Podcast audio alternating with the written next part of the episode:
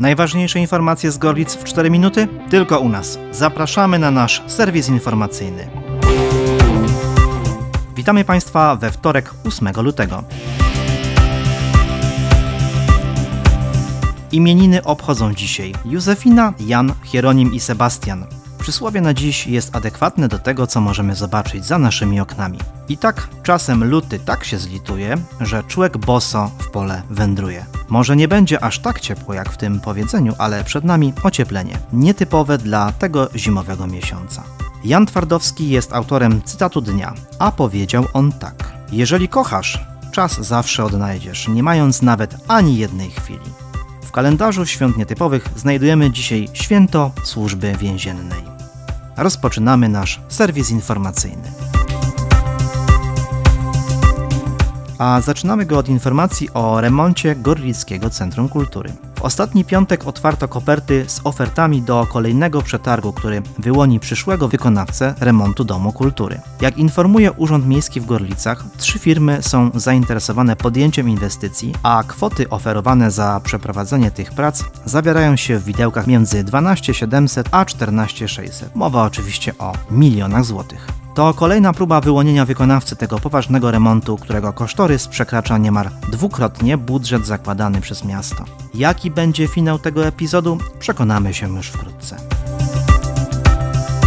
A teraz informacja ze Starostwa Powiatowego w Gorlicach. Radni powiatowi skierowali list do władz państwa, a w szczególności do ministra finansów z powodu pogarszającej się sytuacji finansowej instytucji. Została w nim zwrócona szczególna uwaga na niewystarczające subwencje i wskaźnik zabezpieczenia wydatków na zadania rządowe. Pełną treść tego listu możecie przeczytać na naszym portalu. Zapraszamy naszych słuchaczy i czytelników do obejrzenia za naszym pośrednictwem krajowej mapy zagrożeń bezpieczeństwa, do której zgłaszają swoje spostrzeżenia również gorliczanie. Wśród najczęściej sygnalizowanych incydentów są nielegalne rajdy samochodowe, a także spożywanie alkoholu w miejscach niedozwolonych. O czym jeszcze donoszą nasi mieszkańcy, możecie przekonać się z naszego artykułu. Ich pomysłowość i spostrzegawczość nie zna granic.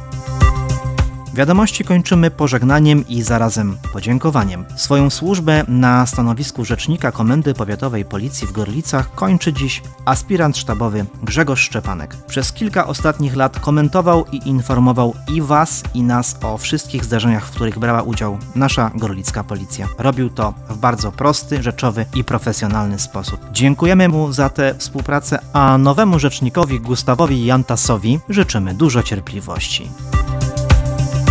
To już wszystkie informacje na dziś. Kończymy je tradycyjnie prognozą pogody. Synoptycy przewidują nieznaczne ocieplenie i przelotne opady deszczu. We czwartek w końcu wyjrzy słońce, a temperatura sięgnie 5-7 stopni Celsjusza. Do tego czasu niestety będzie pochmurno. Dziękujemy Państwu, że jesteście z nami. Słuchajcie nas codziennie na Spotify i Facebooku. Miłego wtorku życzy Tomasz Stasiowski i redakcja portalu Halo Gorlice Info.